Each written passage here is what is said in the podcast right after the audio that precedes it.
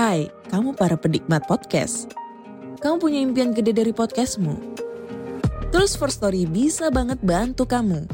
Mulai dari F-Link, Dynamic Audio Insertion, sampai statistik yang komprehensif. Semua ada di First Story. Gak ketinggalan kamu bisa monetisasi podcastmu lewat iklan dari First Story Ads yang bisa kasih kamu penghasilan dari setiap place podcastmu. Yuk gabung sekarang dengan klik di firststory.me. Sekali lagi, klik di firststory.me. Mari kita bawa mimpi podcastingmu menjadi kenyataan.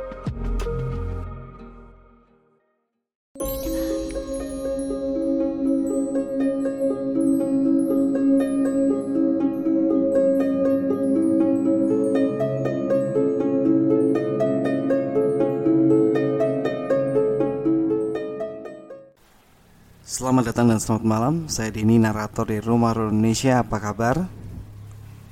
Senang sekali bisa berjumpa dengan kalian kembali.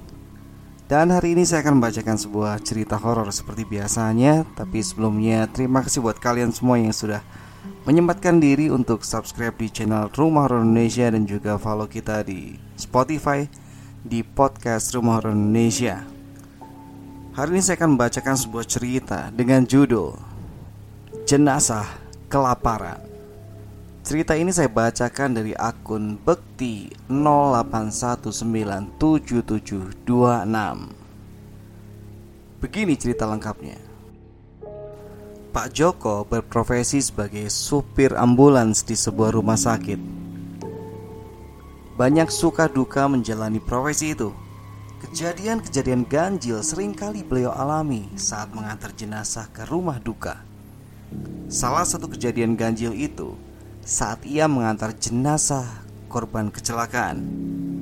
Pukul 4 sore, Pak Joko mendapat tugas mengantar jenazah seorang laki-laki korban tabrak lari di kota Jepara. Ia bertolak dari sebuah rumah sakit di Yogyakarta bersama rekannya, Adit. Hujan rintik membasahi jalanan sore itu. Pak Joko yang sedang ngopi di angkringan depan rumah sakit mendadak mendapat telepon. Pak Joko, nanti jam 4 bisa tidak antar jenazah ke Jepara. Pak Imron izin tidak masuk kerja karena sakit. Bisa pak, tapi ada temannya kan? Jadi saya ada teman ngobrol biar tidak ngantuk. Jawab Pak Joko dengan terkekeh. Malum saja Pak Joko sudah waktunya pulang kerja. Cukup lelah juga.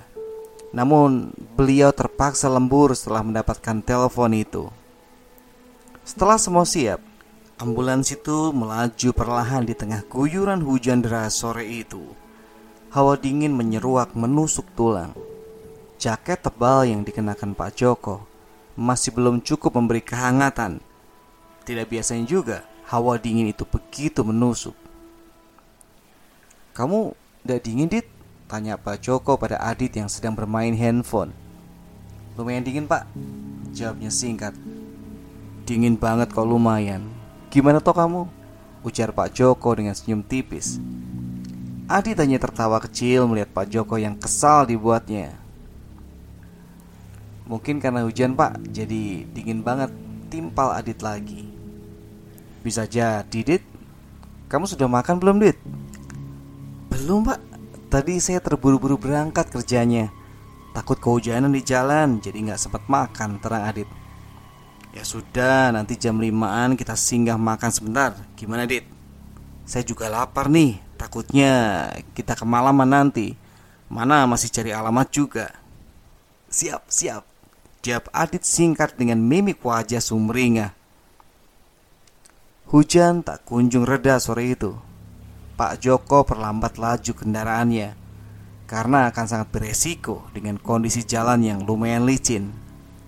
Ditambah dengan genangan air yang cukup menipu para pengguna jalan. Apabila ada lubang, tidak akan terlihat karena tergenang air. Tiba-tiba Pak Joko merasa mencium bau sesuatu. Ya, bau kapur barus bercampur amis darah. Baunya begitu membuat perut mual. Lalu Pak Joko melirik Adit. Ia tampak menyadarkan kepala setengah mengantuk. Adit sepertinya tidak mencium bau ini. Apa cuma perasaan saya aja ya? Gumamnya dalam hati. Berkali-kali Pak Joko berusaha membuang pikiran yang tidak-tidak, menepisnya untuk pergi menjauh dari kepalanya. Namun, bau itu malah semakin lekat di hidungnya.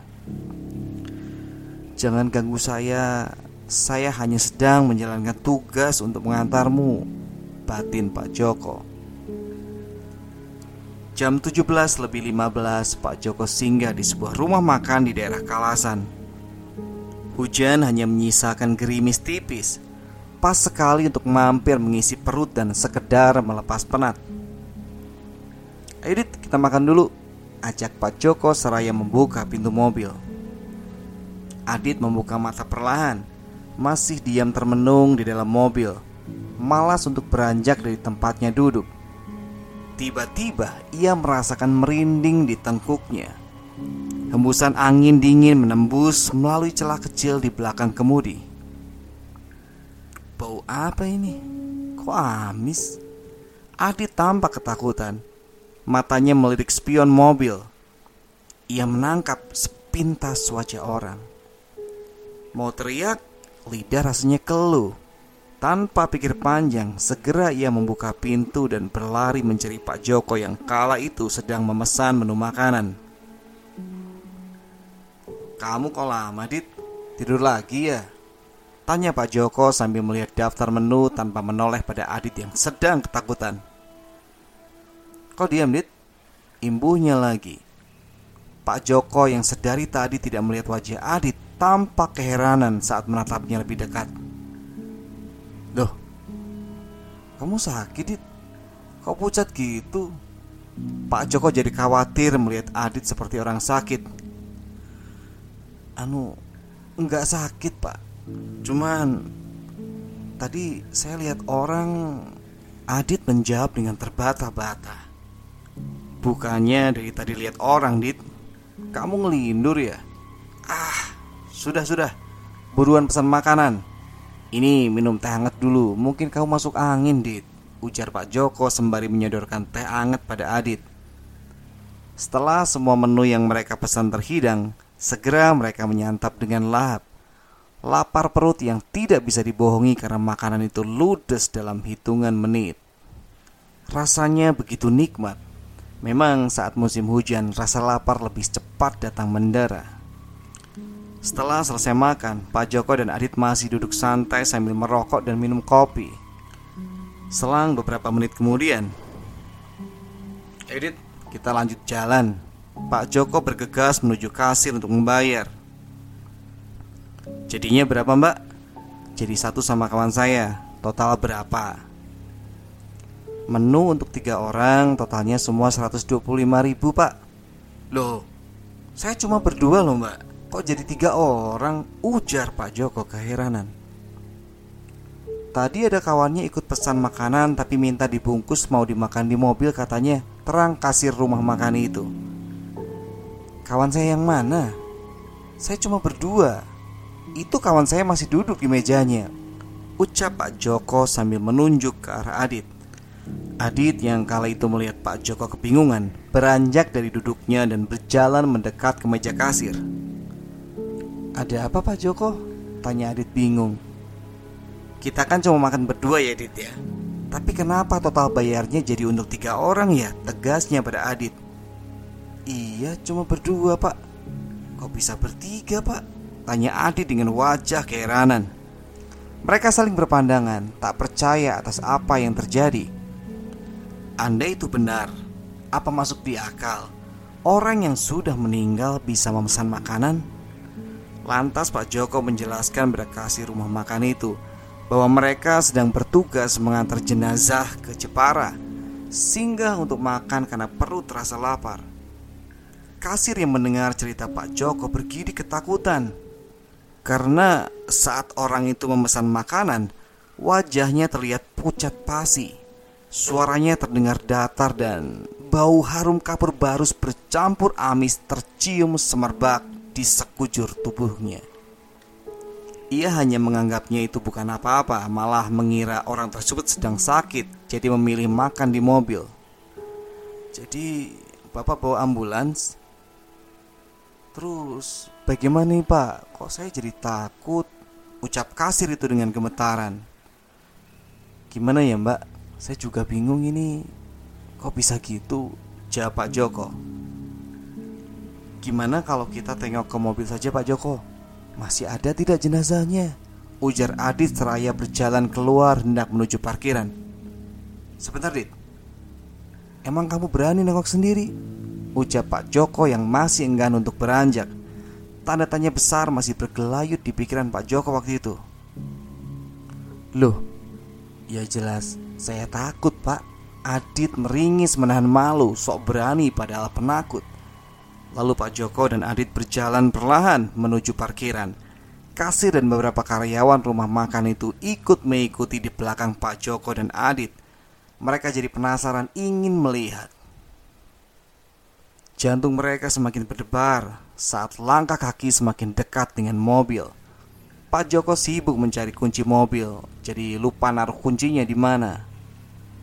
Kuncinya di mana ya, Dit? Di tas ndak ada? Ucap Pak Joko yang kasak kusuk kebingungan mencari kunci itu. Lah, itu Pak, di saku kirinya Bapak, ujar Adit seraya menunjuk sebelah kiri Pak Joko. Oh iya, saya lupa, ujar Pak Joko tersipu malu. Adit hanya menahan tawa. Di benaknya yang ada hanya zombie alias mayat hidup. Mungkin gak jenazah itu jalan seperti zombie? Akhirnya dibukalah pintu mobil itu. Begitu dibuka, tampak pemandangan yang menyeramkan sekaligus aneh. Jenazah itu terkulai di tempatnya dengan mulut penuh makanan. Bungkus dan sisa makanan juga plastik kresek berserakan di bawahnya. Dan yang bikin ngeri, darah masih menetes di telinga dan hidungnya. Aroma amis darah mulai tercium. Sontak mereka yang melihat menutup hidungnya. Pak Joko mendekati jenazah itu, memastikan apakah bernafas atau tidak. Yang pada kenyataannya sudah benar-benar meninggal. Lalu pertanyaannya, bagaimana bisa ia berjalan untuk memesan makanan? Ajaib memang. Sore yang mendung itu diwarnai dengan kejadian horor yang sulit dinalar. Para pengunjung yang sedang makan di sana juga ikut melihat jenazah itu. Setelah kejadian itu, Pak Joko dan Adi tetap melanjutkan perjalanan menuju Jepara. Berdoa saja, semoga selamat sampai tujuan, Dit. Tidak usah mikir macam-macam. Yang penting kita menjalankan tugas dengan baik, yaitu mengantarkan jenazah ini kepada keluarganya untuk dikebumikan secara layak dan dikirim doa supaya tenang di sana. Terang Pak Joko selama perjalanan. Adit hanya mengangguk saja mengiyakan perkataan Pak Joko. Dan itu tadi cerita horor kita untuk malam hari ini. Terima kasih sudah mendengarkan sampai akhir. Terima kasih juga yang sudah sempat share, like, dan juga komen serta memberikan kritik yang membangun. Sampai ketemu di cerita horor berikutnya. Selamat malam. Selamat beristirahat.